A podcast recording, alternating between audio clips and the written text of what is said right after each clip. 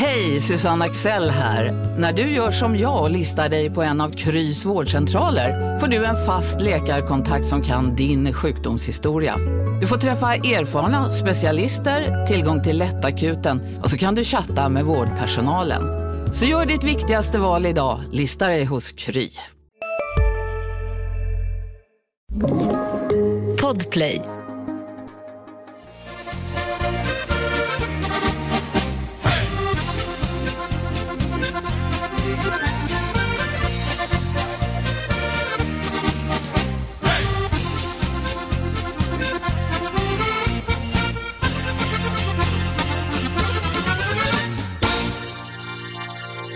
Den inhemska hockeysäsongen är över och podden vill gratulera Växjö Lakers till SM-guldet, Luleå till SM-guldet, Troja till avancemanget uppe i Hockeyallsvenskan och Timrå IK till avancemanget upp i finrummet SHL. Och då är det ju passande att jag sitter här med Timrås huvudtränare Fredrik Andersson och jag ska välkomna honom och alla lyssnare till veckans avsnitt. Och Freddan, vad trevligt att få sitta här och få prata lite hockey med dig nu under den kommande timmen. Ja, tusen tack för det första. Det känns jätteroligt att få vara med i podden Adam. Jag ser fram emot den här timmen också med mycket hockeysnack. Ja, och jag börjar med frågan, har du hunnit smälta det här SHL-kontraktet som ni nu har säkrat? Nej, det har jag väl inte hunnit gjort riktigt om jag ska vara ärlig, utan det har ju varit mycket eh, firande efter eh, avancemanget upp till SHL och eh, det måste man ju passa på att få göra också, för det är ju lite grann av eh, den här känslan som man har de här dagarna efter med att få glädjas med alla som man har gjort det här tillsammans med. Va? Så att eh, det har nog inte satt sig riktigt än, men eh, det börjar falla på plats här så att eh, jag ska njuta några, till några dagar. Ja, och du har ju individuellt också blivit prisad här som Årets coach, ett pris som Svenska ishockeyförbundet är med och delar ut. När du fick det beskedet, var det som grädden på moset då? Det blev det ju naturligtvis. Va? Det, är, det är ju ett bevis på att eh, många andra också tycker att man gör ett bra jobb. Så att det är klart att det är, man är oerhört stolt och tacksam över att få ta emot ett sådant pris. Va? För att eh, det finns många oerhört bra tränare och coacher ute i landet och få bli utsedd till årets coach är ju väldigt stort för mig. Så att det, det kändes fantastiskt kul. Om vi nu ska blicka tillbaka på den här säsongen 2021, en sån speciell vinter med Corona som har satt sina klor i den här säsongen. Man är ju faktiskt bara lycklig över att det kunde slutföras.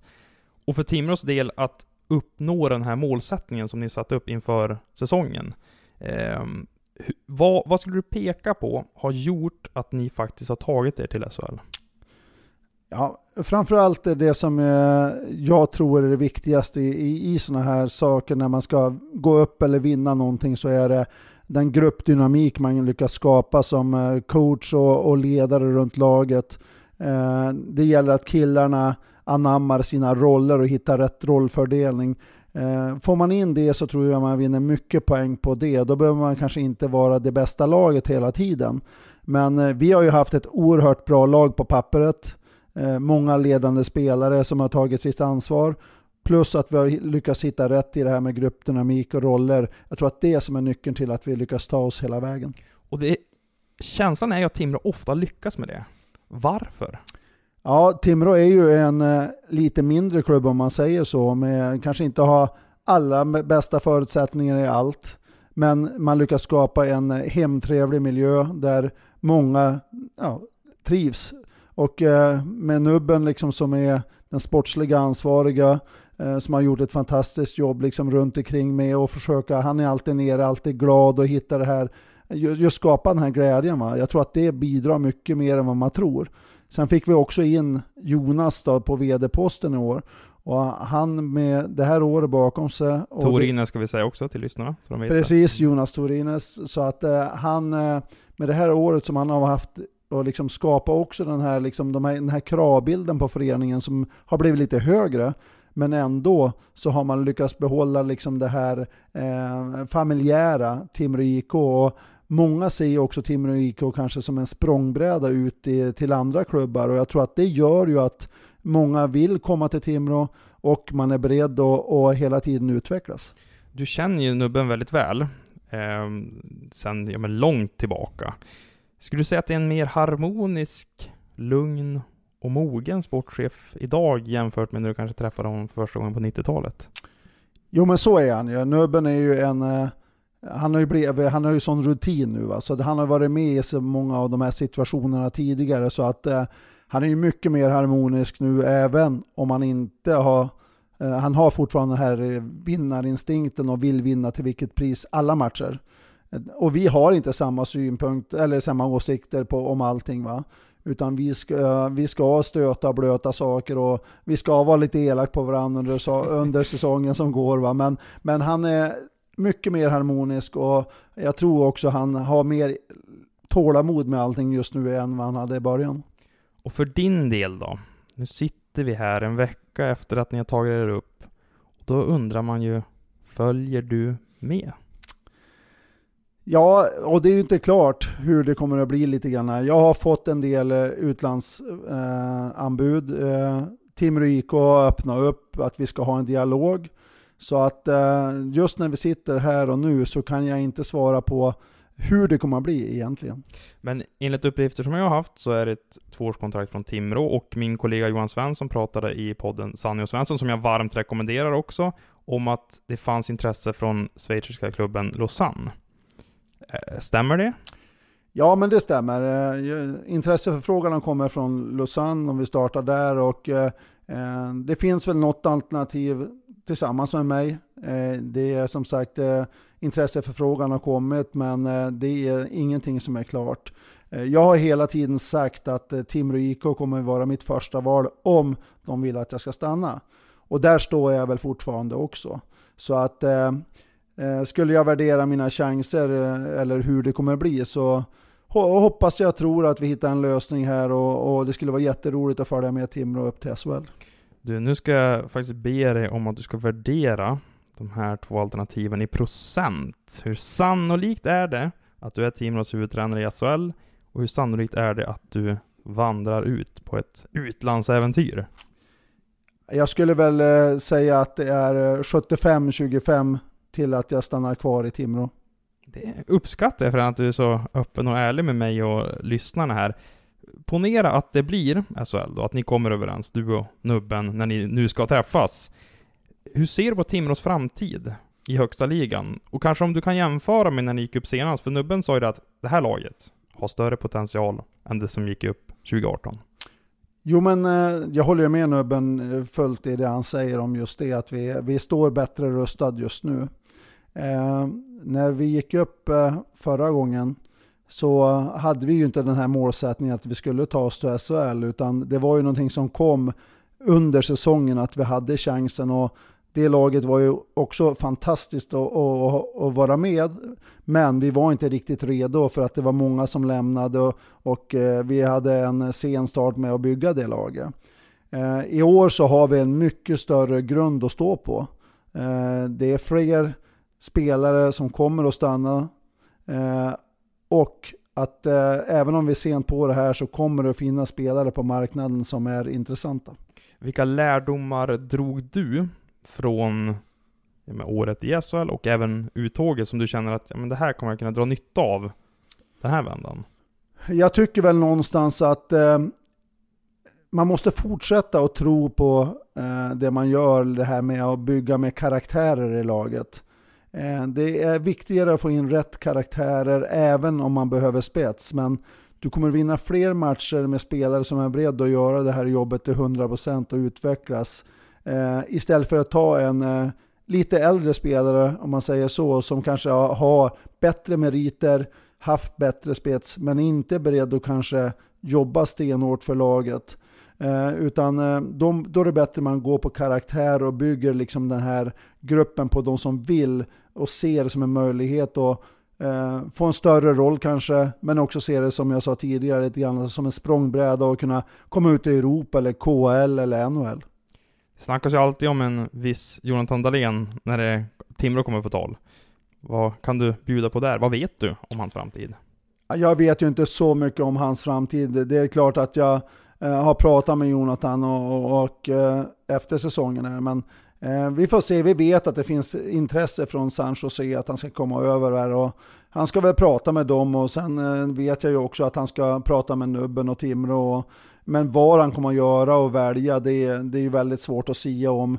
Uh, naturligtvis, om jag skulle komma överens med Timrå IK och stanna kvar här, så vill jag ju gärna se han i, i Timrå nästa år. Va? Men jag förstår också om Jonte skulle välja eh, det andra spåret och ta chansen av NHL, eftersom det är ju alltid en, en dröm att få spela där borta. Va? Men jag tror att han kommer att värdera det här väldigt länge liksom, och se över vad han tror är det bästa alternativet.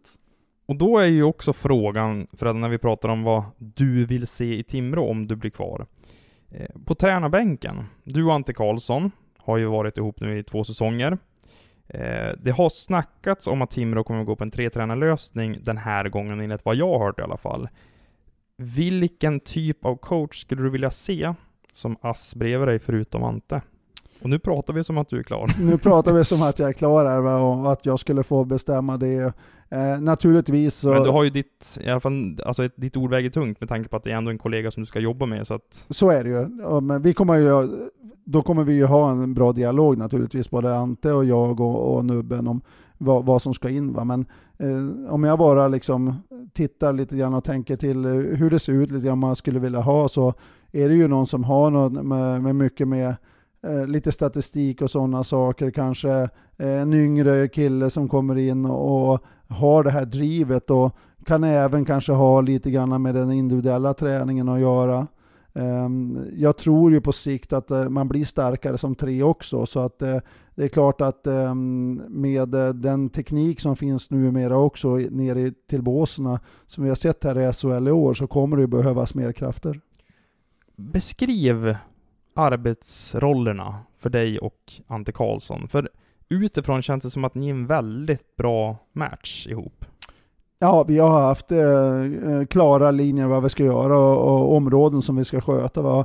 Ja, Ante han har ju skött eh, backarna. Han har ju coachat backarna som han, det han tycker är bäst för dagen och vilka som ska in. Och naturligtvis så vet vi vilka som vi tycker är offensiva och, och defensiva backar som passar bäst. Va? Men där har han haft full koll på och fått trött helt och hållet. Tillsammans med både boxplay och powerplay som har varit hans del i liksom med genomgångar innan matcher och sådana saker. Där, där, det är det han har liksom eh, fått koncentrera sig på. Jag har ju mer då tagit forwards eh, eh, i slutet av matcherna lite grann med, med 6 mot 5 spelet och, 5 mot 6. Eh, där har vi ju liksom pratat ihop oss ofta innan va. Och, men eh, det är väl de delarna som, som det sett ut. Sen eh, det här med spelmässiga under, eh, under matcherna, det försöker vi hålla koll på bägge två, om vi vill justera eller ändra saker. Ni andades ju SHL-luften säsongen 18-19, åkte ur mot Oskarshamn i det där ödesdigra kvalet som var så gastkramande får man säga, avgjordes i sista matchen också i Timrå. Nu är ju upplägget i seriestrukturen lite annorlunda, men vad förstod ni då som ni tar med er nu, att just det, det är så här SHL fungerar. Så här måste Timrå anpassa sig för att faktiskt etablera er som målsättningen är. Ja, och det som jag sa, det, man kommer tillbaka till lite grann av det här med att eh, det jag tycker man lärde sig, det var att eh, eh, för att kunna vara kvar och etablera sig i SHL så måste man vara konsekvent i det spel man vill spela. Jag tycker att vi blev lite grann stressade när vi hamnade i pressade lägen. Vi tog inte så många poäng som man ville göra. Vi gör, försökte göra mycket förändringar i spelsystemet under året och spela enklare och vi trodde till slut inte på det vi gjorde. Utan just vara konsekvent och ha tålamod och, och ska man göra det så gäller det ju att ha de här karaktärsspelarna som orkar göra det varje dag. Trots att man kanske åker på några förluster i rad, eh, så måste man ändå vara stark i tron på det man gör. Men jag anar ändå en viss självkritik här också, att du kanske vacklade som ledare. Ja, precis. Och eh, det har jag ju lärt mig som ledare, att just det här med att eh, eh, tro på det man gör, för det kommer mycket åsikter, både uppifrån, utifrån media, eh, från spelare och så vidare. Och då måste du som tränare eh, och coach vara väldigt stark tillsammans med dem du jobbar med och, och fortsätta att driva den den linjen. Sen absolut så ska man ju också vara öppen för förändringar om det, man ser att det sker saker som inte alls går. Jag vet inte om du har koll på det här. Det är inte bara så att ni gick upp, du blev årets coach. Du och Nubben är ju faktiskt historiska också. Ja, jag har ju hört någon som sagt att vi, vi har tagit upp det här laget tre gånger och det ja. är väl det tillsammans med Huss antar jag också då. Ja, exakt Huss, men jag tänker så här, som sportchef så har ju Nubben gjort det, han var ju ASS-coach slash sportchef första gången och han har gjort det under tre olika årtionden. Men du är ju den enda huvudtränaren som har gått upp med samma lag sedan Hockeyallsvenskan blev Hockeyallsvenskan. Och jag tycker det säger lika mycket om dig som Timrå. För det som vanligtvis händer när ett lag åker ur och ska ladda om, det är att man sparkar tränaren, man byter riktning. Men de gav dig nytt förtroende, du ville stanna kvar och det är nu man ser att ni kan skörda framgångar ihop. Kan du ta oss igenom det där att ha ett ömsesidigt förtroende mellan varandra? För man pratar ju ofta om det, att man ska bära klubbmärket före det som står på ryggen för spelarna. Men det är ju samma sak med ledare och klubb till ledare och spelare gentemot. Ja, precis. Det är, så, det är precis som du säger. Va? Och det här är ju någonting som är unikt egentligen, som jag har varit med om i Timrå. Att eh, Nubben är väl en av de få som inte har eh, sparkat tränare. Utan han har ju varit väldigt, eh, vad ska jag säga, man har haft ett väldigt stort stöd av honom hela tiden. Och eh, trots som du säger att vi åkte ur här mot Oskarshamn i det andra året där så var han väldigt öppet väldigt tidigt egentligen. Det var väl jag själv som vacklade lite grann att klarar jag det här igen? Ska jag vara kvar? Är det bra för mig? Är det bra för Timrå? Men man ser ju också det att ha, är man eh, tålmodig, eh, man är, om man säger jobbar över en längre tid tillsammans, så, så får man också ofta, tycker jag, bättre resultat. Eh, man kan ju ta Alex Ferguson som, har varit, som när han var som när han var aktiv i United, där man såg deras framgångar och det var ju under en lång era. Så att jag tror ju någonstans att eh, kan man ha det här eh, liksom, utan att bli liksom slentrian i det man gör, utan man är hela tiden även ställer krav på varandra för att bli bättre, eh, då tror jag att då är det inga problem att liksom vara kvar i en klubb längre. Men men jag är oerhört tacksam naturligtvis över att eh, eh, nubben valde att satsa på mig och trodde på mig. En intressant parallell du gör det till Alex Ferguson också. Inga kanske jämförelser i övrigt, men på 80-talet där så var det ju så att Manchester United i början av hans period inte vann speciellt mycket, men han fick stanna kvar. Och jag är ju av uppfattningen att erfarenheter, positiva som negativa, motgångar och framgångar berikar. Och är det din känsla att idag, tack vare allt du har gått igenom med Timrå, så är du en bättre tränare än vad du var när du klev in 2017? Absolut, till 100% så är jag en bättre tränare och coach nu. Eh, och människa? Och människa, för att eh, det lär, man, man lär sig av alla som man har runt omkring sig. Alla spelare, ledare runt omkring och det, alla de här som jag har stött på nu liksom under de här åren som ledare och spelare, eh, där tar man ju med sig saker och ting till sig själv liksom och försökt, man tar med sig de goda bitarna, Vissa saker har inte alls fungerat, de lägger man på sidan på en hög. Så att det är klart att man, försöker att förändra sig och liksom, på så sätt så blir man ju starkare. Och jag tror ju någonstans också att eh, vi pratar om att jag fick det här priset som årets coach. Och det, det är ju någon, i grunden så ligger ju alla de här sakerna som man har gått igenom under hela sin karriär som spelare, alla tränare man har haft på alla nivåer, eh, alla som man har jobbat med sista tiden här, eh, det ligger ju någonstans i grunden till att man har blivit den både människa och coach som man har varit. Och de har ju en del i det här priset också.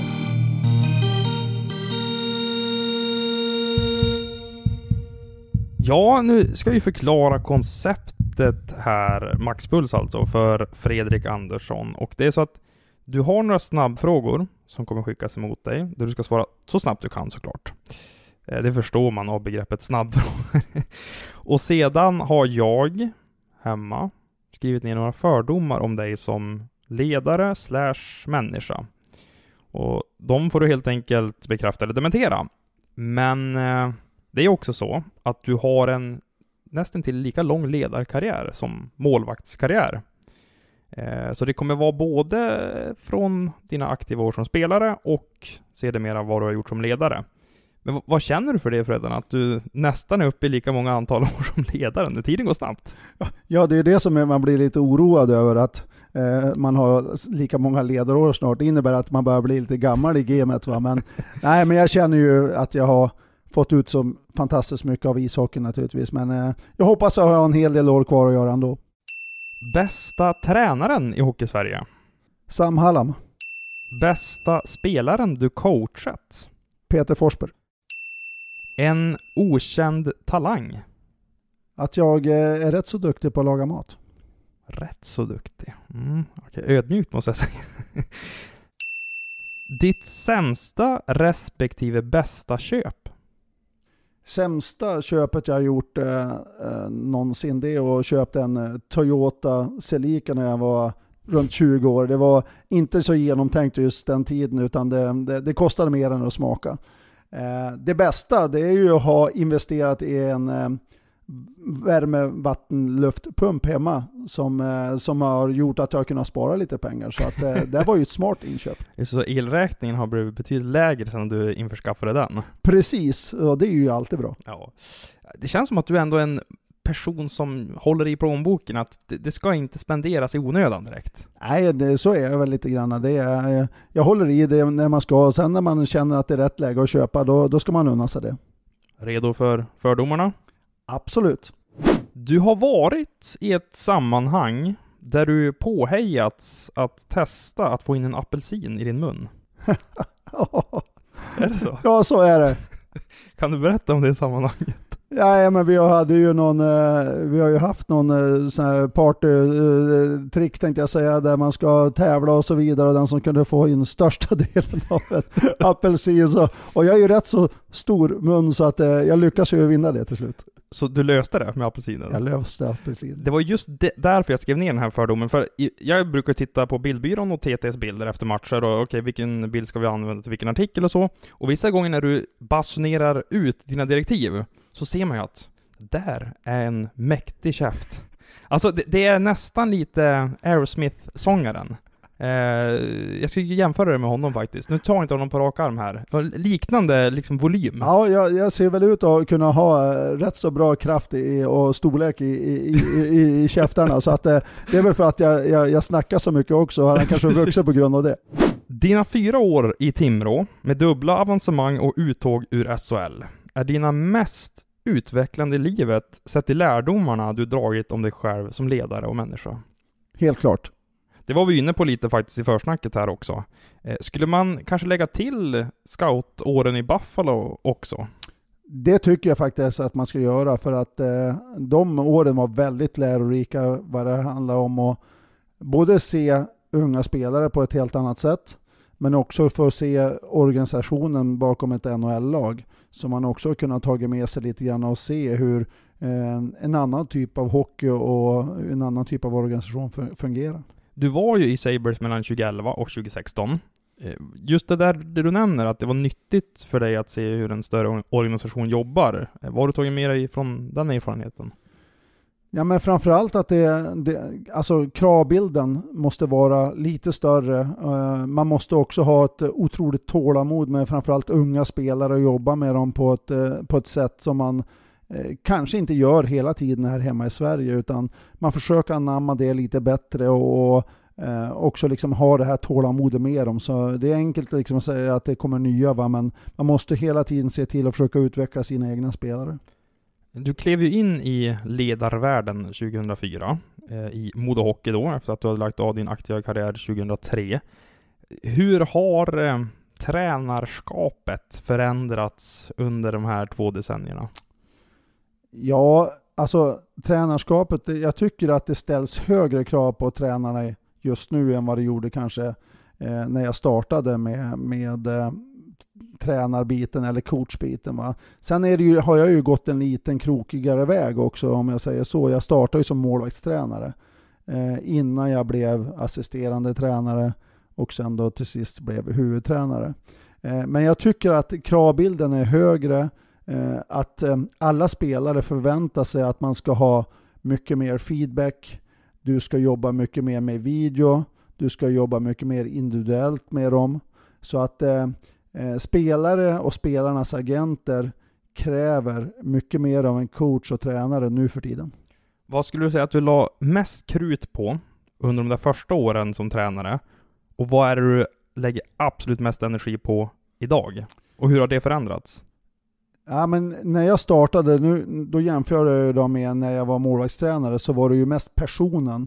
Eh, kontakten, liksom den här personliga kontakten med, med, med målvakterna i det fallet och liksom eh, små detaljer som var där. Eh, det som har gått över till nu när man är huvudtränare är ju mer att se hela laget, få alla att trivas och, och eh, den här, skapa den här gruppdynamiken. Eh, just det har jag, lägger jag ju oerhört mycket mer tid på nu än vad jag gjorde när jag kom fram.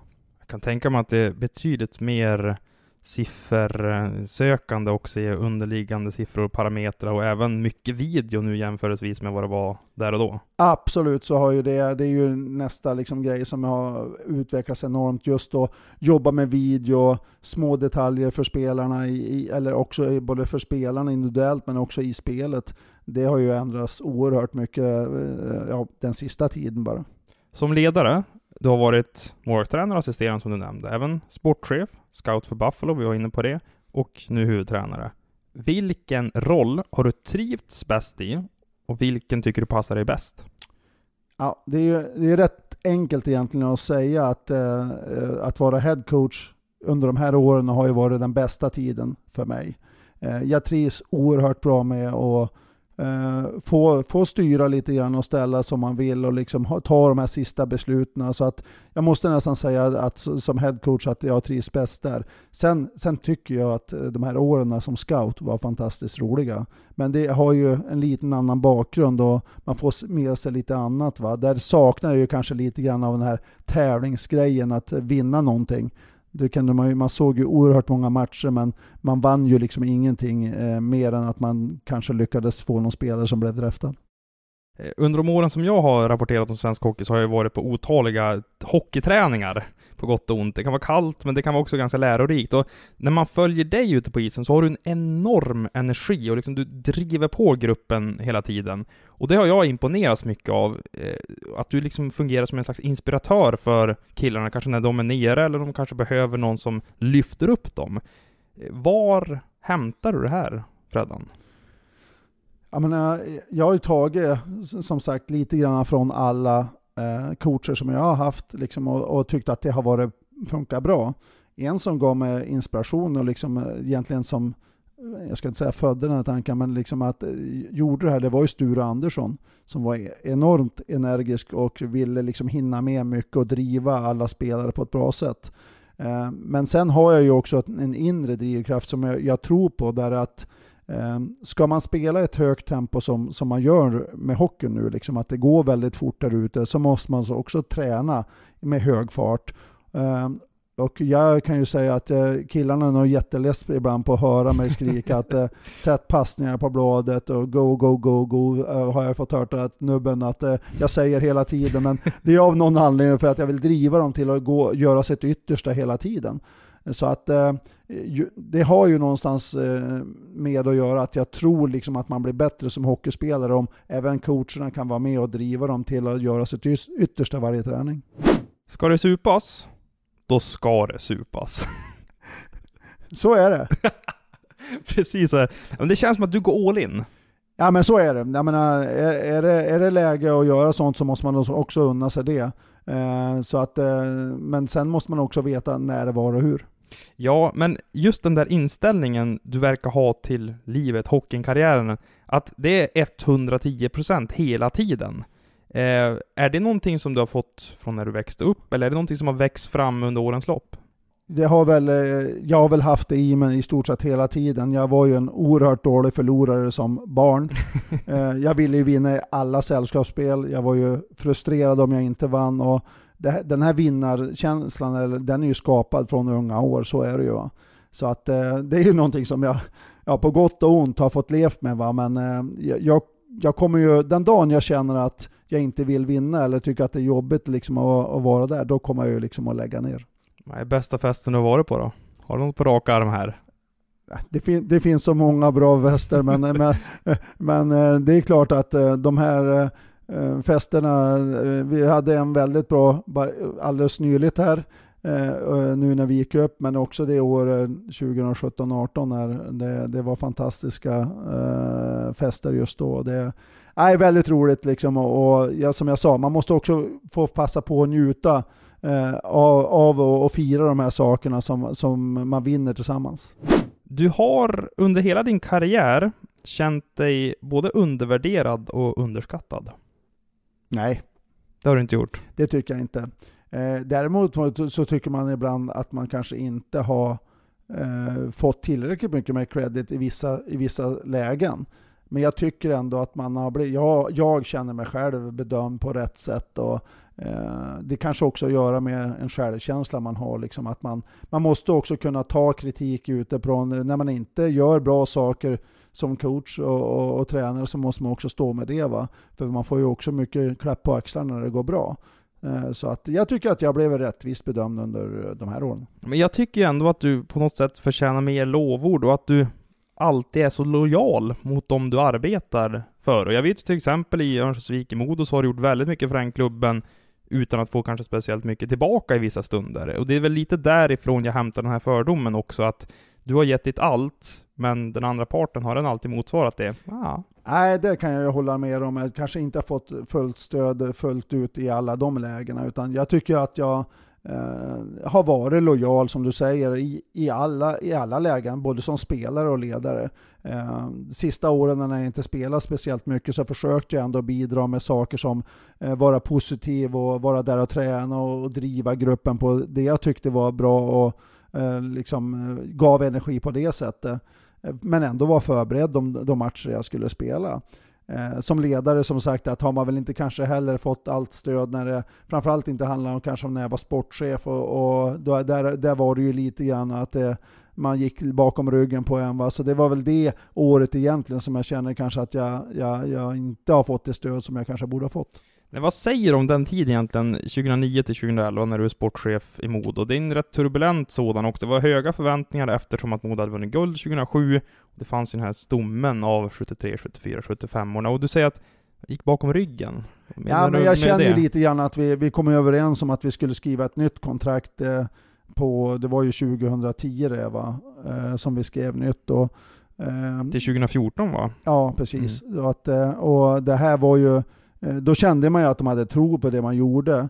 Eh, sen händer det ju saker också i, under den här tiden när Marcus eh, avslutar sin karriär och vänder hemåt och att de vill att han ska komma in som general manager. Och jag tycker väl någonstans i den vevan där, när det kommer in att man inte var riktigt ärlig och sa till vem, mig... Vem var det som kanske inte riktigt ja, men Jag tycker styrelsen med, mm. eh, som, som satt eh, i Modo Hockey, som tar de här besluten i Modo, de var inte liksom eh, så rak med mig som man har kunnat vara, utan det blev lite grann på eh, ja, bakom ryggen att ja, till slut kom ju fram att, eh, att Marcus skulle ta över. Jag, jag, jag, är liksom, jag vet ju hur den här branschen fungerar, att sånt här kan hända. Va? Men jag fick ju heller kanske inte den riktiga chansen att visa mig fullt ut eh, vad jag kunde gå som sportchef. Utan det blev ju ett år, ett och ett halvt år eller vad det nu blev va, innan, jag, innan jag hoppade av där då, eller fick gå. Så vi fick ja, för truppen 2009-2010 var ju satt i mångt och mycket ja. av Ecke Holmberg, ja. den tidigare sportchefen. Ja, och Ecke gjorde ju ett fantastiskt bra jobb. Och tittar man tillbaks till det här, vi pratade om det här lite innan, det här med kontinuitet och, och han satte ihop ett vinnande lag 2007-2008 och sen får man, går det bara ett år egentligen och så ska man få sparken. Eh, här fanns ju ingen kontinuitet överhuvudtaget och eh, ska man se tillbaka till det så skulle ju han ha fått behålla det här jobbet. Och, och du anser det? Jag tycker det så här ja. efterhand. För Harald Lyckner har ju sagt att det var det största misstaget Modo någonsin har gjort.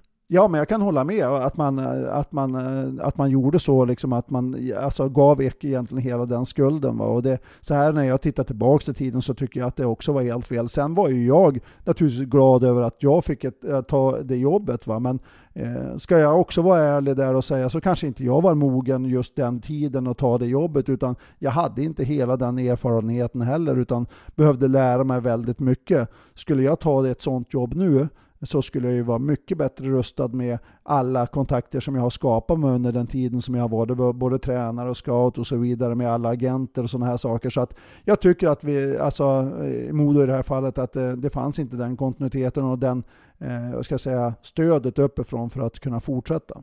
Ja, det var ju inte bara Ecke Holmberg som fick lämna 2009. Jerry Häggström som klubbdirektör slash VD och Harry Rundell som tränare. Så det var väldigt många som fick lämna sina poster och just att du fick gå april 2011, Marcus Näsen kommer in december 2010. Kände du då, han var ju general manager som det då hette och du var sportchef för herrarna, att ja, det här kan nog innebära att jag kanske har sett det sista av den här positionen i Modo?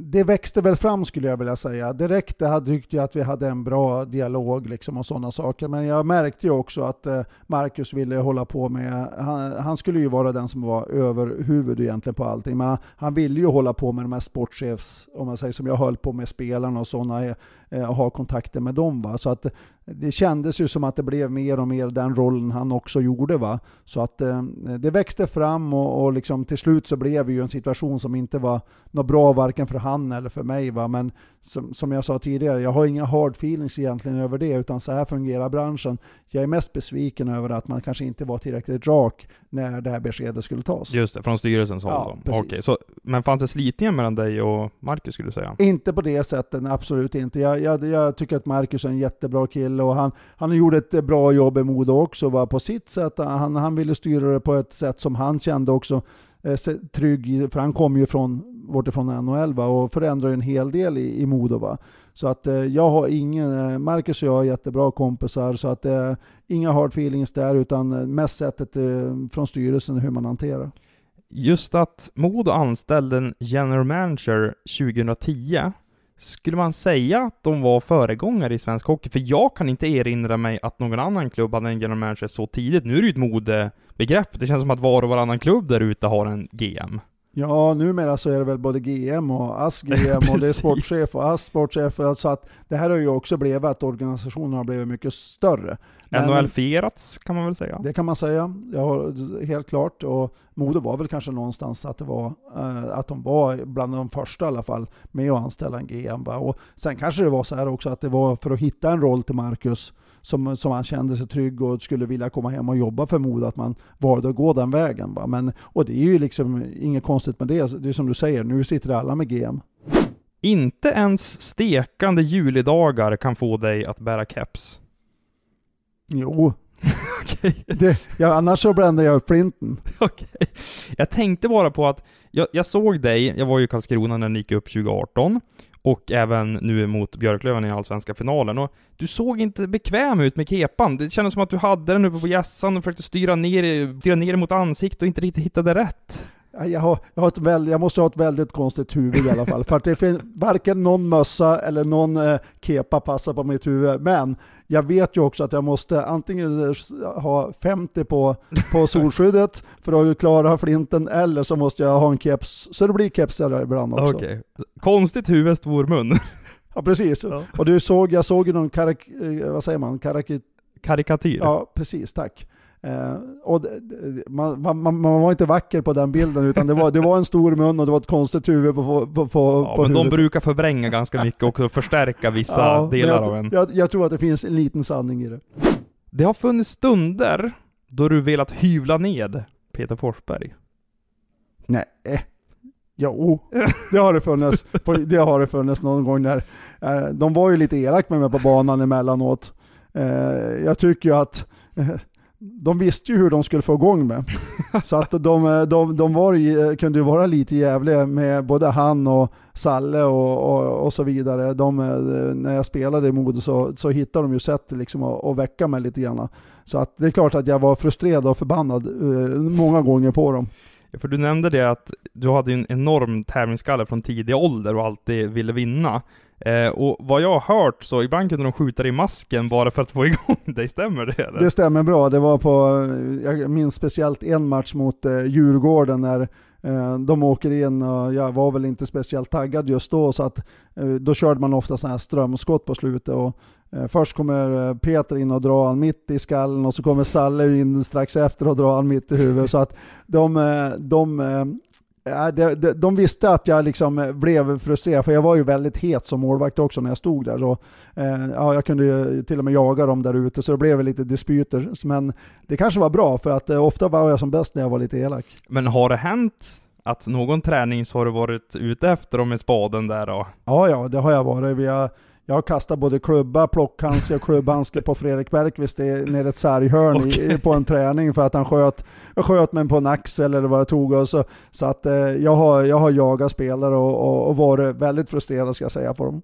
Du, det där temperamentet, hur har du jobbat med det under åren som har gått här? För jag uppfattar dig mycket mer lugn och trygg i ditt ledarskap idag än kanske du var tidigare. Sen, jag såg ju inte dig på 90-talet ska jag säga, så jag kanske inte såg den riktigt hetlevrade Fredrik Andersson, men... Nej, precis. Jag tror du kanske har missat den, just den hetaste delen av mig, för att jag var ju både eh, jag kunde ju vara väldigt frustrerad både på mig själv naturligtvis om det inte gick bra eller på, på spelare på träningen om skotten kom fel och det var eh, jag kunde vara frustrerad på domarna på matchen och det levde väl kvar lite grann det här med domarna eh, när jag kom in i bås. Så att jag, det var de fick ju ta väldigt mycket skit av mig. Och jag var ju väldigt mycket fokuserad på vad de gjorde eller istället för att kanske se över spelet. Va? Det är ju den här eh, som jag tycker jag har mognat mest i, liksom att kunna hantera situationerna eh, för att få också laget lite mer fokuserat. Det, det, speglas ju lite grann till att tappar man fokus på det man kan påverka själv och ge, ge sig på domare i, menar, i varje domslut, då, då kommer ju liksom spelarna också till slut att tappa sitt koncept där ute. Har du också valt att bli egen?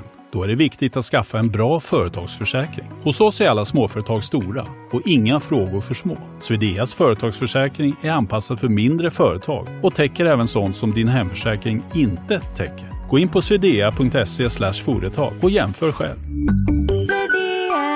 Hej, Synoptik här. Hos oss får du hjälp med att ta hand om din ögonhälsa. Med vår synundersökning kan vi upptäcka både synförändringar och tecken på vanliga ögonsjukdomar. Boka tid på synoptik.se. Eh, därför tycker jag att jag har blivit, som du säger, väldigt mycket lugnare i, i allt det, det jag gör. Sen reagerar jag ofta på båse i saker och ting ibland, men jag har mycket lättare att komma tillbaks och liksom få laget liksom med mig på, på ett bättre sätt. När trillade poletten ner, skulle du säga? jag skulle vilja säga att eh, någonstans där i första året eh, under säsongen eh, när vi eh, till slut gick upp så märkte jag ju liksom det att jag måste hålla mig kall här. Jag kan liksom inte vara frustrerad eh, liksom och skrika så mycket på domarna och för att eh, jag märkte att laget inte mådde bra av det. Så att jag försökte jobba med mig själv i de här bitarna. Jag tycker att jag lärde mig oerhört mycket det första året. Hur jobbade du med dig själv? Tog du hjälp av någon eller var det bara att blicka in mot sig själv och se vilka brister man hade? Ja, jag tog inte hjälp av någon, men jag, jag, jag har ju fått höra det här ofta liksom, från många, liksom, att, eh, eh att jag är så het och att jag skriker mycket. Jag, jag har försökt, liksom, gått till mig själv hela tiden och, och, och så, jag menar, tänkt på de här sakerna. Jag, jag kunde ha suttit och tänkt innan matchen att tänk nu, bli inte tillräckligt liksom, bli inte så het utan försök att fokusera på det jag kan påverka och ge laget chansen liksom och, och vara lugn och trygg. Och jag, jag tror att eh, gör man det tillräckligt länge och får vara med också i sådana här situationer så klart att man hanterar det bättre till slut. Men det är ändå en balansgång, för du vill sprida energi, energi och positivitet och det är någonting som ligger djupt inom dig. Men det gör ju även den här tävlingsdjävulen och han kanske inte får, eller hon, får komma fram i alla lägen. Så eh, när du står där på bänken, pratar du med dig själv eller har du något knep som så här, men, nypa sig i fingret liksom när domaren inte höjer armen för den där solklara utvisningen som du kanske tycker att det är? Nej, det är mer att prata med mig själv liksom i de lägena. Det, jag har inget knep i övrigt på liksom att eh, som du säger med att hitta på något eh, tics som man ska göra, utan eh, prata med mig själv. Men jag sa det också tror jag tidigare lite grann här att den dagen jag inte kommer ha det här engagemanget eller det här drivet och, och vilja vinna liksom och, och ha den här tävlingsdjävulen i mig. Då tror jag att det är dags att börja tänka på om man ska göra någonting annat. Fredan, fyra av sex fördomar prickar in.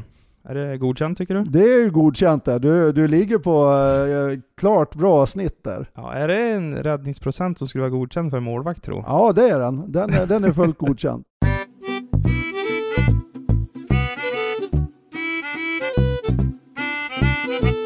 Ja men nu så är jag nyfiken på att få höra mer om ja, men scoutjobbet i Buffalo och även tränaråren och målvaktskarriären där från 80 till 90 till 00-tal. För det är ju dags för faktarutan. Och som vi har pratat om Freddan så har du väldigt många år i hockeyns regi. Det är kanske det din självbiografi ska heta? Ett liv inom ishockeyn. Ja, varför inte? Det, jag har ju varit med om i, på många olika poster, både som spelare och som ledare, som vi har pratat om lite grann. Så att eh, det, finns ju en hel del om man skulle sätta sig ner säkert och tänka tillbaka på de här åren som man har gjort så här långt. Eh, och det skulle faktiskt vara väldigt kul att kunna också liksom få ner det på papper, liksom, för jag tror man har, någonstans så finns ju tankarna där och, och, det finns mycket att skriva på men man, man tänker inte tillbaka tillräckligt mycket på det. Ja, det är därför det finns en sån här podcast som man ska minnas tillbaka till några av delarna under sin karriär i alla fall. Men eh, har du någon gång funderat på att göra någonting annat än att verka inom ishockeyns ramar? Jo, men eh, det, jag gjorde ju det faktiskt ett år. Just det, från när du la av? Ja, precis. Det år jag slutade så gick jag ju till en civil karriär, om man ska säga det så. Okay. Vad gjorde du då? Då jobbade jag på ett eh, företag som eh, hette Klenosol som var, gjorde vägmarkeringar. Och jag skulle jobba lite grann som... Jag förstår redan varför du började som hockeytränare. Det lät inte speciellt Förstår att du kom tillbaka till Ja, exakt. Under den här tiden så, så satt jag som... Eh, det var, då jobbade, då var jag i Bjästa eftersom jag är, det är hemma för mig. Och då var ju företaget där. Eh, jag satt och beställde material till, eh, till de här maskinerna som skulle ut på vägen och måla, och, eller om de skulle ha massa eller vad det skulle vara. Men jag hade ju noll erfarenhet av det här. Eh, det gick helt okej okay, liksom, och man lärde sig naturligtvis någonting av det. Och jag fick ju också till och med sitta i de här bilarna och måla en del vägar när det fattas lite folk. Va? Men jag kände ju någonstans också att det här 7-4 jobbet det var inte det man var van med.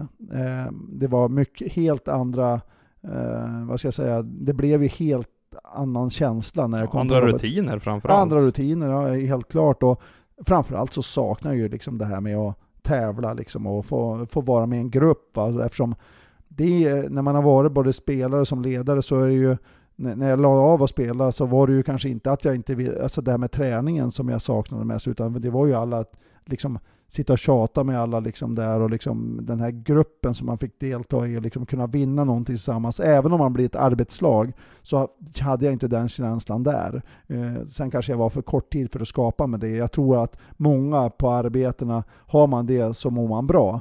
Men jag mådde inte speciellt bra under den tiden. Därför eh, jobbar jag lite grann på kvällarna direkt också så, som målvaktstränare. Och sen fick jag ja, år två då, då fick jag ju gå till Modo Hockey. Då ville de ju anställa mig på heltid. Jag tror att lyssnarna, i alla fall jag, är glad att du lämnade din civila karriär och hoppade på ledarspåret. För det innebär ju att vi faktiskt har en faktaruta att uh, hugga tag i nu. Ja, perfekt. Smeknamn? Ja, det, jag har ju några smeknamn egentligen. Jag, jag har egentligen tre smeknamn, så här, men Freddan säger ju många till mig. Liksom, det är väl det, det, det många liksom skickar till mig. Uh, fisken har jag fått höra. Okej, okay, varför? Ja, fisken, många, det finns två olika scenarion som, som fisken kommer ifrån. Och det, mm. det du har inte gått till botten med den alltså? Nej, ursprunget till? Nej, men ursprunget är, ju, ursprunget är ju egentligen att när jag hade en bil som, eh, det var en Opel Manta. Så varje gång jag slog på fläkten så luktade det fisk inne i bilen. Så därför började de att kalla mig Fisken. Det tillsammans med att några har ju tyckt att jag simmar lite för mycket när jag var i keeper, så kallar de mig för Fisken. Så där finns det två olika, eh, olika svar. Okej. Så att, eh, Men ja. det tredje då? Fredan, det tredje fisken och... Fredan, och så fisken, och så kallar ju eh, Nubben och eh, Kenta Johansson mig för Bulan. Och för att? Ja, det är lite mer oklart varför de kallar mig för Bulan. Utan, eh, men eh, det, det, det smeknamnet hade jag mest här i, i Timrå när jag var som spelare. Det är ju väldigt vanligt för de som heter Berglund i efternamn. Precis. Inte Andersson direkt. Nej, så Nej. Att, eh, jag köper inte det Lill-Kenta och ni som lyssnar på det här. får ni motivera om ni är med i podden framöver. Jag ska säga också att Kenta Norberg har ju varit med, så vill ni lyssna på hans avsnitt så finns det från hösten 2019. Ålder?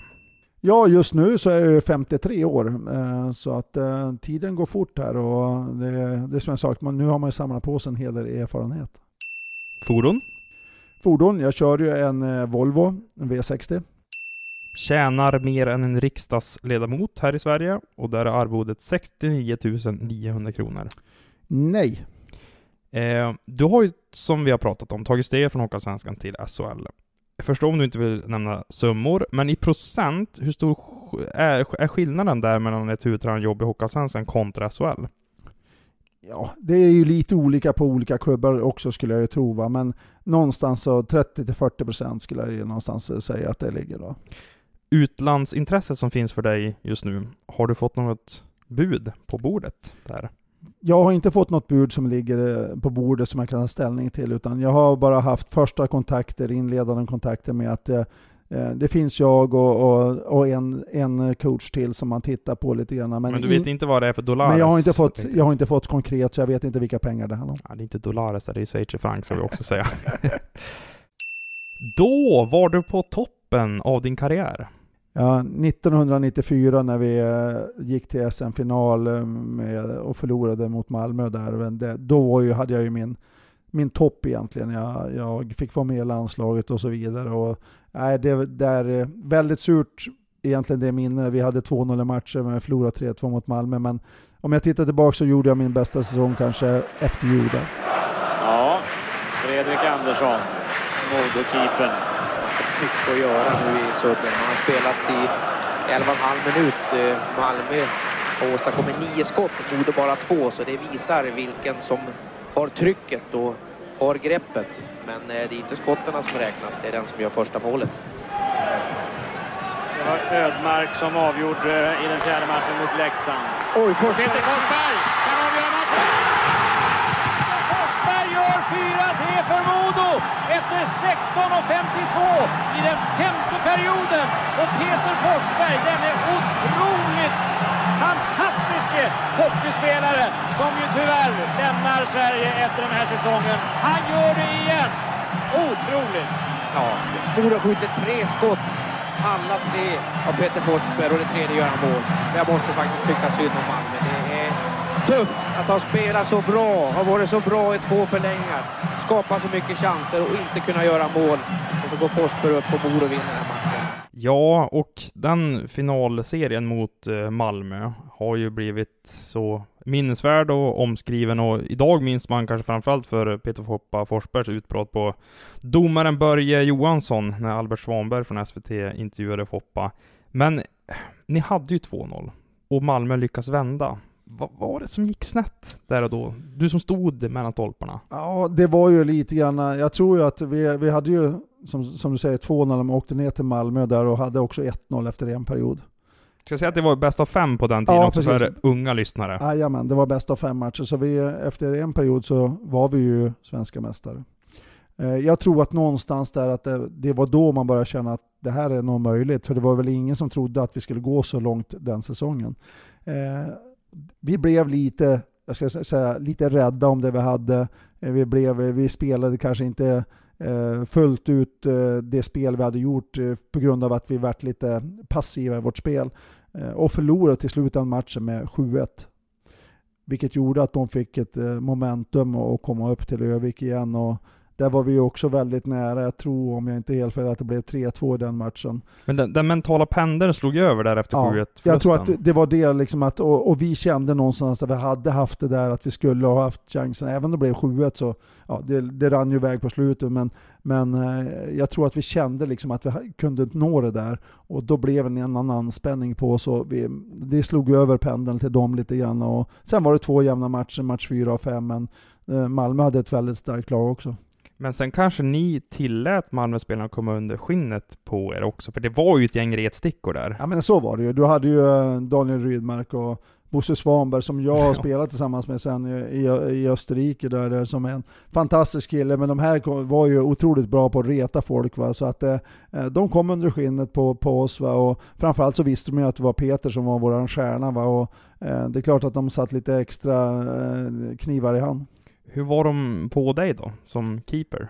Ja, det är klart att de var på mig också lite grann. Liksom, och, och, och, och, jag menar, det var väl mycket glåpord också, liksom, att, jag menar, hur dålig man var. Framförallt nu när de gjorde sju kassar där, det fick man ju höra lite grann efter. Va? Men det, så är det ju i den här branschen. Liksom. Men det är inget så specifikt som nej, ing, nej, det var inget, inget, inget specifikt så, utan de skyddade mig rätt så bra, mina, mina lagkamrater, så att jag, jag, jag slapp utstå det mesta.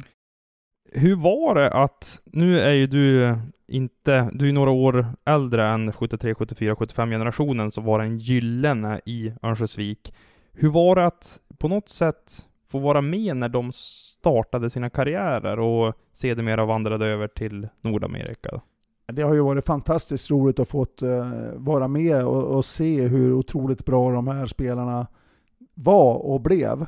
Eh, bara, inte bara liksom rent eh, hockeymässigt utan även liksom som personer. Hur man liksom eh, behöll sin eh, trygghet i liksom att stå med bägge fötterna på jorden. Och för det har alla de här spelarna som jag har varit med, både i Timrå med Zäta och med Foppa och de här i, i Modo, så, så är det det som är liksom karaktäristiskt för dem, det är just att de är fantastiska personer på sidan.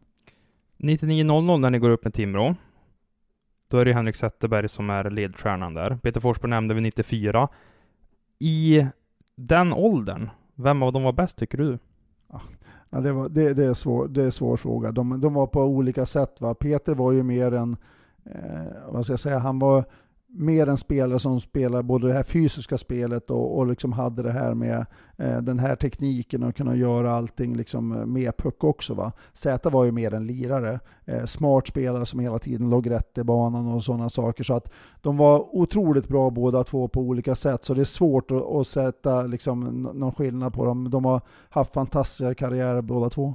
Sen ska man ju kanske vara tacksam också över att de kom fram vid den tidpunkten, för de stannade ju i svensk hockey tills de var 21 år gamla. Det hade ju aldrig hänt idag. Nej men så är det ju. Det är det som är lite synd med hockeyn just nu, att vi, vi förlorar våra unga stjärnor eh, för tidigt. Va? Och det är klart att det har att göra med att eh, det, pengar är en sak, att man vill ta chansen att åka över till NHL, men Eh, jag tycker också kanske att man ska fundera på hur, hur eh, svensk hockey ska vara med så att vi kan behålla dem lite längre. Och, och, och, eh, det har väl att göra med att vi importerar ju också en hel del spelare liksom från andra länder istället. Och så släpper vi vår, våra egna. Va? Men det, det, är ju svårt att komma åt den här situationen. Det, gäller ju liksom, det är ju från individ till individ. Va? Men jag tror att många skulle må bra av att stanna lite extra för att kunna tjäna pengarna lite senare.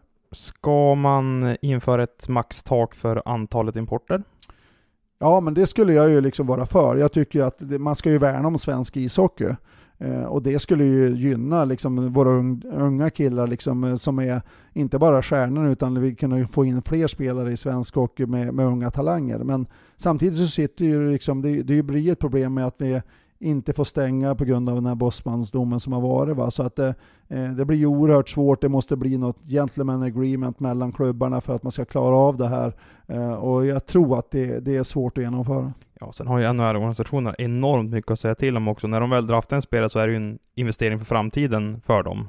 Så det väger väl väldigt tungt i den här diskussionen också. Så är det ju. Det är, visst är det så. Det är liksom, de betalar ju för sina spelare också naturligtvis, så att det är klart att de, de bestämmer ju över sin investering i sina draftval.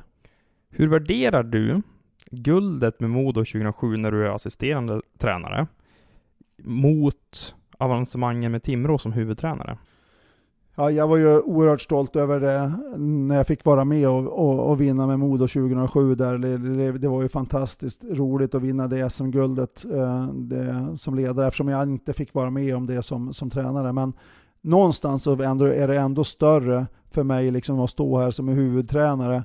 Eh, för att då har jag det yttersta ansvaret och kunna göra det två gånger så eh, slår det här lite större trots allt för SHL. Timrå har besegrat Björklöven och har gjort det med allra tydligaste klarhet.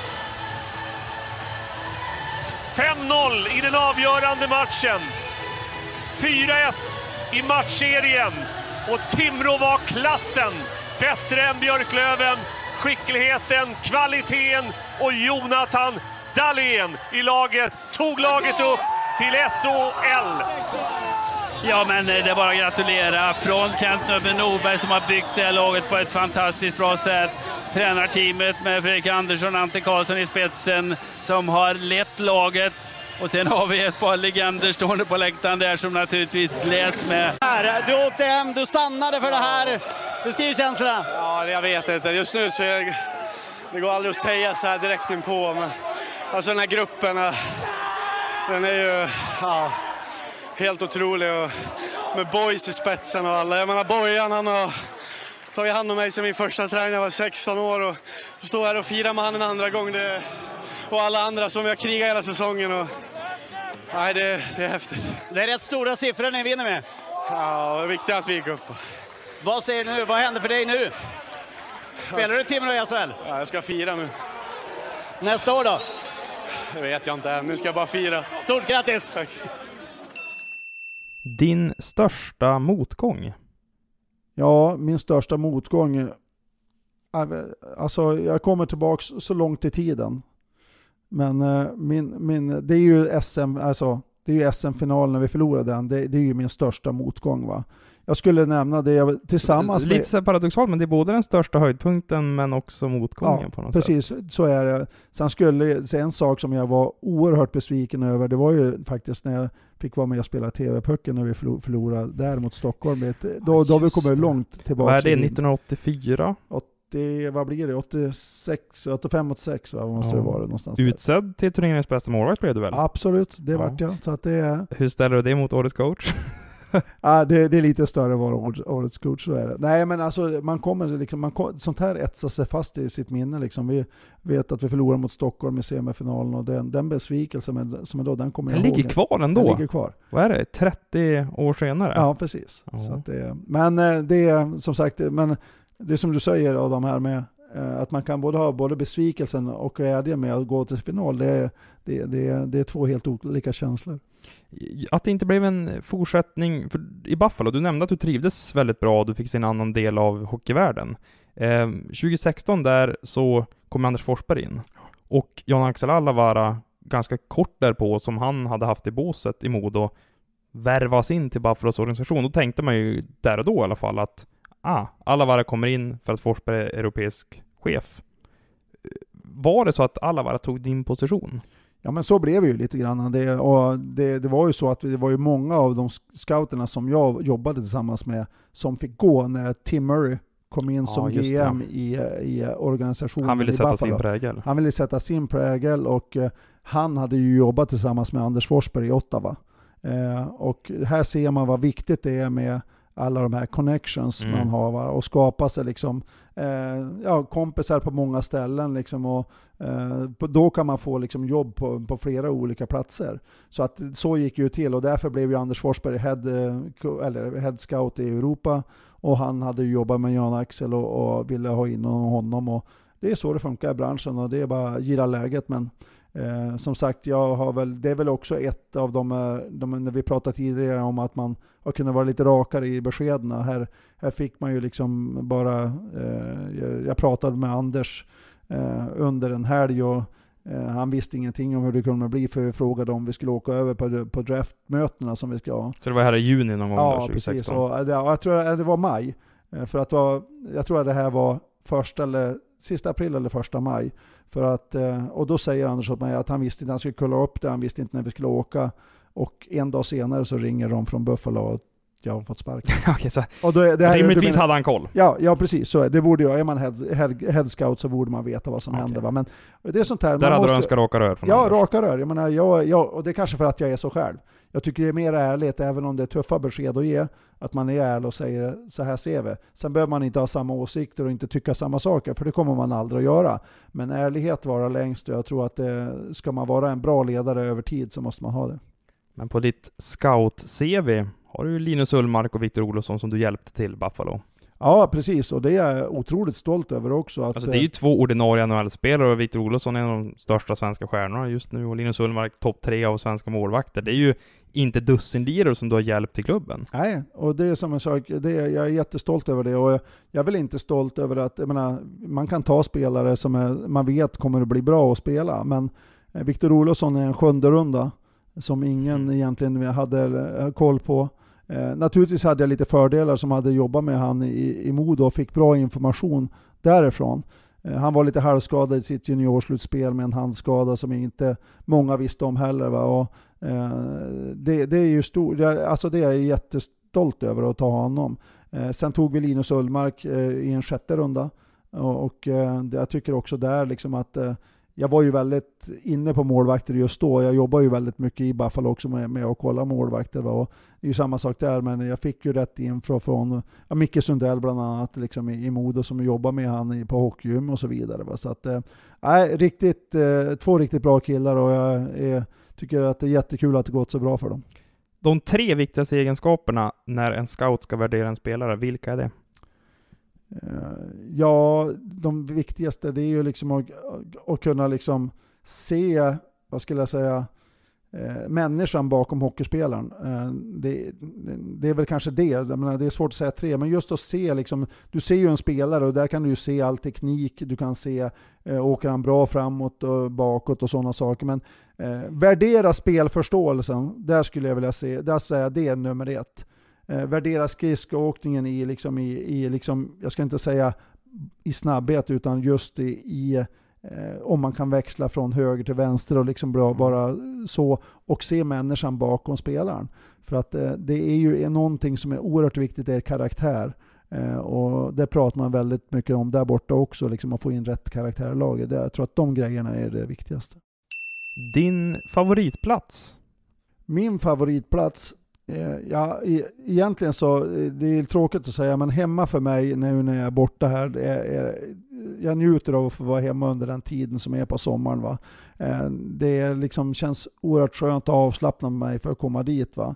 Sen, sen har vi ju varit väldigt mycket faktiskt i Turkiet om vi har rest utomlands. Som jag, som... Hemma ska vi säga Bjästa här ja, också. Hemma i Bjästa ja, du nämnde det lite tidigare men ja, jag vill ja, bara förtydliga. Ja, precis. Så att, eh, jag njuter av att få vara hemma och det är ju för att jag får vara nära familjen också under, under en längre period där. Va? Det, därför så tycker jag att det är skönt att vara där. Men annars så har, var vi väldigt mycket som i ett land, eh, som jag sa, Turkiet, som vi, som vi trivdes bra att vara i. Jag tycker att det är en skön atmosfär att få vara där och slappna av och sola och bada lite.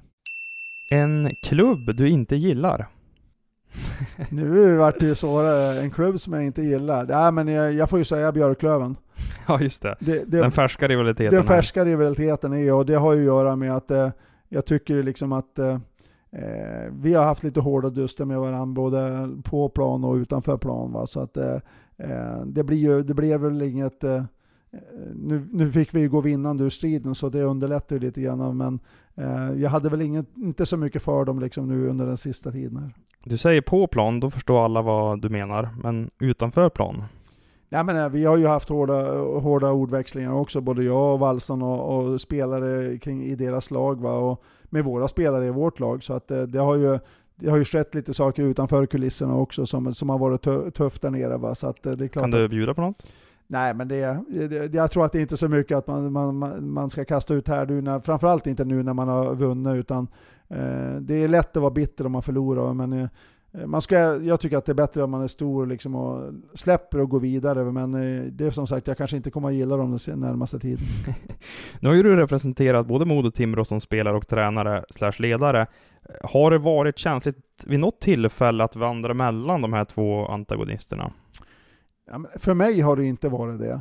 Eh, och det är ju för att jag, eh, många har ju svårt att förstå Eh, både om man är Timrå-fan eller Modo-fan, hur jag kan vara i de här båda föreningarna. Men om, man tänker, om de tänker sig in i min situation där jag har haft så många vad ska jag säga, säsonger som spelare i Modo, så det är klart att det har betytt någonting och jag fick också vara med som ledare och vinna ett SM-guld.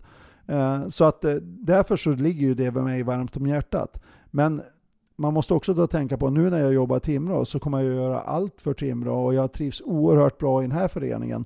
Har fått vara med och uppleva två gånger där vi har gått upp till SHL.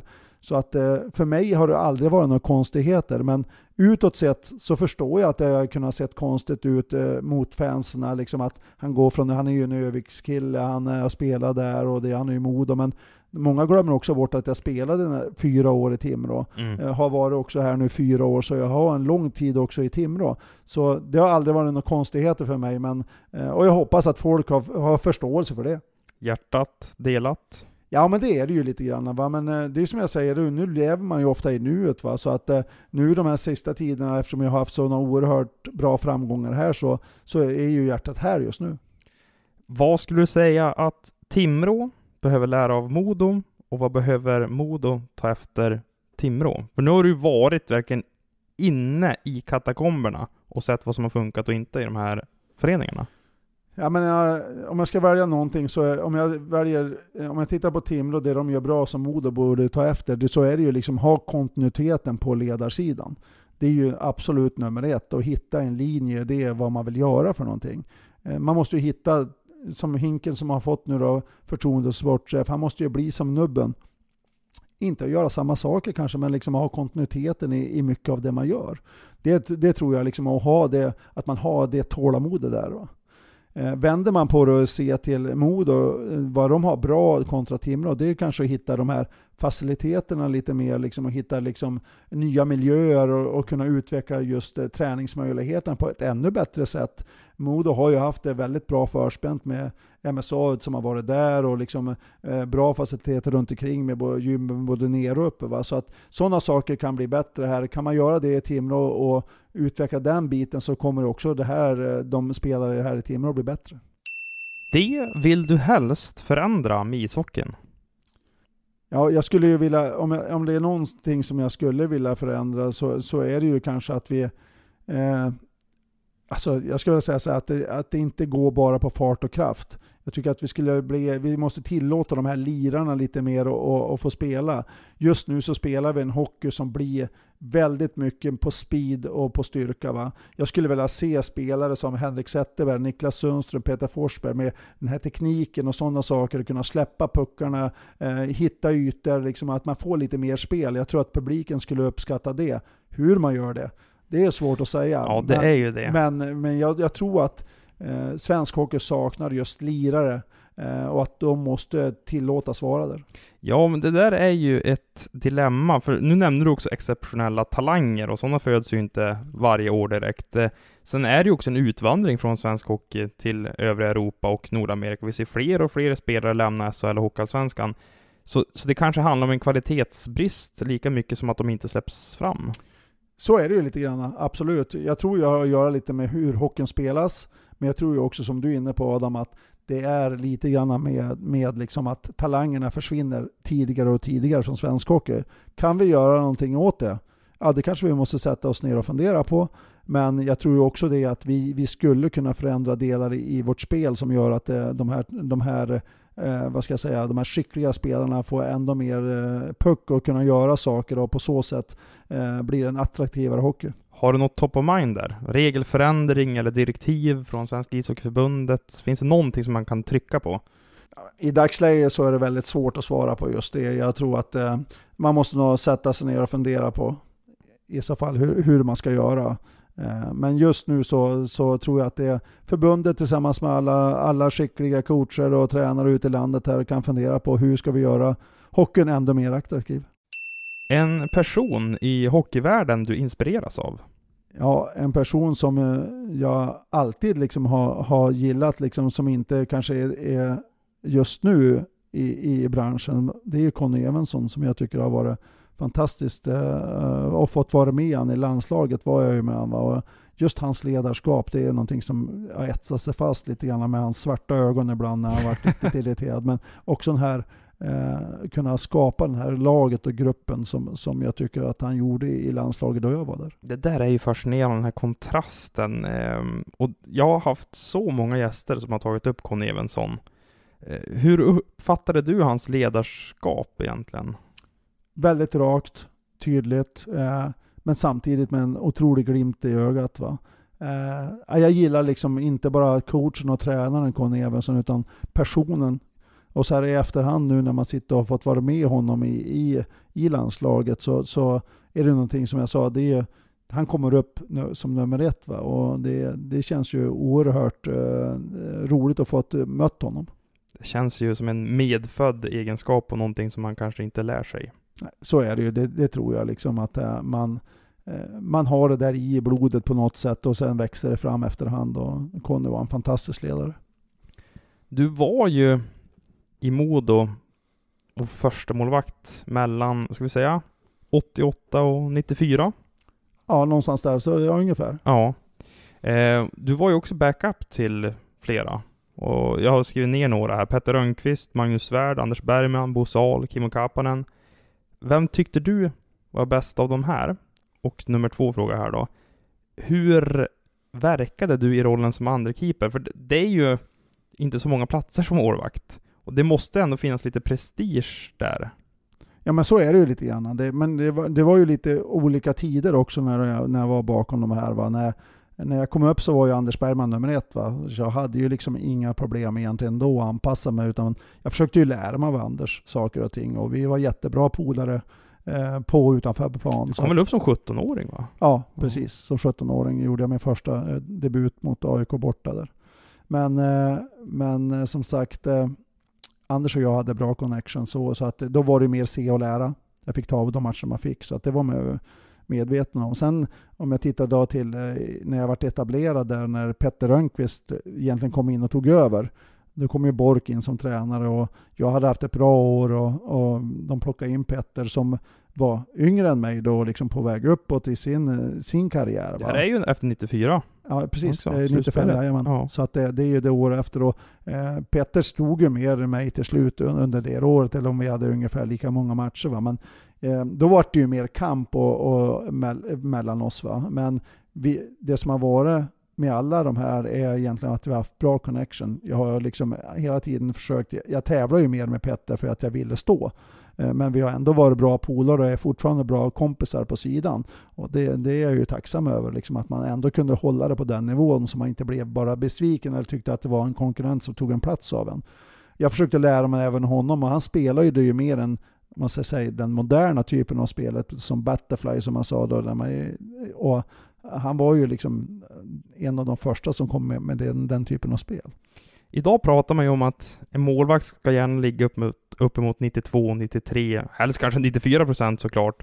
Um, men på din tid, vad skulle du säga var måttstocken då? För om man tittar på dina siffror, du, du är uppe över 90 procent en säsong, tror jag. Totalt. Precis. Man pratade ofta om att låg man någonstans mellan 88,5 och upp till 90 då var det bra? Då, då var det bra. Okay. Så att det, det, var lite andra, andra... Sen var det ju så här också på, på den tiden så var statistiken var ju mycket mindre. Mm. Man tittade mycket mindre på det, utan det var handlade om att vinna matcher egentligen. Va? Men, men när man någon gång pratade om det så ville man ju gärna ligga upp mot 90 om man kunde göra det. Ett lag du gärna vill träna? Ja, det var en svår fråga. Men så, om, jag, om jag tittar på lite grann vad man... Eh, jag har ju också en dröm att kunna liksom komma ut i Europa eller till NHL. Jag skulle ju gärna liksom eh, komma tillbaka till eh, Buffalo eftersom jag varit där och, och, och tränat det laget. Liksom och se, klarar man av det? Hur, hur blir hockeyn där? Är det annat man måste tänka som på coach? Som, eller för, för att coacha ett sånt lag liksom med både mentaliteter och en annan typ av hockey och sådana saker. Så att det vore ju en dröm att få, få, få göra det. Eh, sen har jag ju också sagt tidigare, vet jag i någon intervju, att New York Rangers ligger ju också väldigt eh, varmt om hjärtat och jag har ju med mig att det är en eh, bra stad att vara i också. Ja, ja nu, vi, vi drömmer högt här, men samtidigt så ska man ju säga Thomas Mittell, det är ju bara två år sedan han gick från AIK i Hockeyallsvenskan till Chicago. Sen har ju Jeremy Colleton väldigt mycket med det att göra eftersom att de hade ett gemensamt förflutet i Mora. Men har det någon gång varit aktuellt att du har kanske gått tillbaka till NHL-världen efter att du lämnade Buffalo 2016? Nej, det har det inte varit. Men det du sen nämner nu Adam här, det, du, det kommer vi tillbaka till det jag nämnde lite tidigare. Relationer. Relationer. Det handlar hela tiden om att skapa bra relationer. Eh, är man en bra kille eller bra coach, det handlar inte bara om att vara bra så, men att man också är naturligtvis en, en duktig på det man ska göra, så har man lättare att kunna få sådana här jobb. Och man, man måste alltid vara ödmjuk och se att eh, hockeyvärlden är väldigt liten egentligen. Så att eh, man ska vara tacksam så länge man är med och man ska försöka skapa så många bra relationer som möjligt. Modo då? Det måste man ju fråga med tanke på att du är från Bjästa, Örnsköldsvik. Och det, vad jag hörde från flera olika håll så hade de en ambition att få med dig in i staben här till den här nysatsningen som de gör på sina killar, om man säger så, på ledarposition. Du nämnde Hinken, Henrik Redin, sportchef, Mattias Kalin är tillbaka nu, får äntligen träna sitt Modo.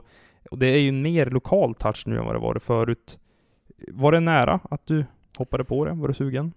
Ja, men det är klart att eh, man det är alltid smickrande och att man får bli tillfrågad. Och, och som du säger, så eftersom jag är från Övik eller från Bjästa så, så är ju liksom Modo alltid ett alternativ egentligen. För att någonstans vill man ju också kanske bo hemma och liksom att det skulle bli underlätta för familjens skull. Va? Men det var smickrande att de frågade, ställde frågan till mig. Och, eh, jag funderar naturligtvis på det här, hur jag skulle göra. Men vi var ju också samtidigt mitt under en, en, ett mm. eh, finalspel, eller ett slutspel här. Så att eh, jag ville ju skjuta på det eh, liksom innan jag skulle ta något beslut. Och jag förstår att de var tvungna att gå vidare. Och någonstans kände jag väl också att eh, vi, vi hade bra chans att kunna vinna här. Och skulle vi kunna få vinna här så kanske jag får vara kvar.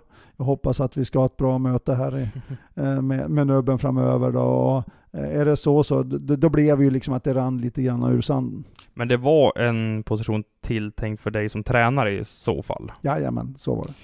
Just det, ja. Ja, det är nästan så att man räknar in dig på Timrås bänk till nästa säsong med tanke på hur vi pratar här, men vi får helt enkelt se vad nubben och du kommer fram till. Där är du om tio år. Ja, om tio år så, jag tror att någonstans så kommer jag jobba med ishockey på något sätt. Eh, förmodligen inte som coach liksom i någon högre liga, men eh, kanske till stöd till, till någon yngre, eh, liksom och, som mentor på något sätt, eller att kunna eh, vara delaktig i en styrelse någonstans och sitta liksom och kunna ta hjälpa till på, på det sättet. För jag tror jag kommer ha svårt att släppa hockeyn helt. utan Eh, sen hoppas jag ju kanske att någon av grabbarna kanske håller på med hockeyn liksom på, som på ledarsidan på något sätt och kunna hjälpa dem på i så fall och liksom, eh, med idéer och det jag, den erfarenhet jag har skapat med. Två söner, är någon av dem sugna på att testa tränaryrket? Jag tror ju att eh, som det ser ut nu så är ju Rasmus den yngre av dem då, han är väl den som kanske eh, skulle satsa mest på det. Han har ju varit med nu lite grann på i KV65 då på, på J18-sidan där och liksom och ska vara med där två år. Va? Och jag tror att han, eh, han skulle vara bra som ledare och jag tror också att han eh, på sikt eh, kommer kunna eh, satsa på det. Va? Så jag hoppas han vill göra det för eh, då kan man vara med och hjälpa till. Nästa generation Andersson alltså. Det blir en fin avrundning här på din, ditt avsnitt Freddan. Eh, stort tack för att du var med i Hockeypuls podcast. Uppskattat hos mig och jag tror även att lyssnarna gillade att höra vad du hade att säga om din karriär och även om framtiden som vi säger, ja, vi räknar väl in dig hos Timrås regi. Ja, tusen tack Adam, det var fantastiskt kul att vara med. Och tack till alla er som har lyssnat på det här avsnittet med Fredrik Andersson. Det är inte så många veckor kvar nu tills det blir ett litet sommaruppehåll som det ser ut i dagsläget. Eh, men tills dess så kommer det fortsätta vara gästavsnitt varje torsdag framöver. Och Har ni några tankar eller funderingar, då hör ni av er till mig på adam.johansson.expressen.se eller på Twitter, där finns jag också. Så säger vi tack och adjö. Det här var Fredrik Anderssons avsnitt.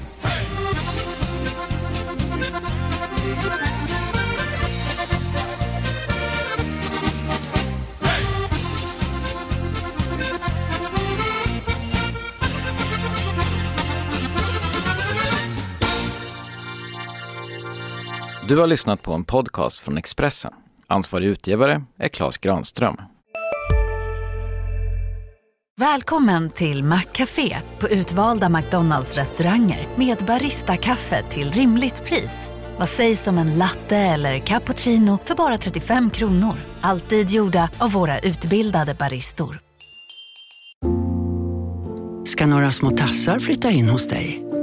Hos Trygg Hansa får din valp eller kattunge 25% rabatt på försäkringen första året. Läs mer och teckna djurförsäkringen på trygghansa.se. Trygg Hansa, trygghet för livet.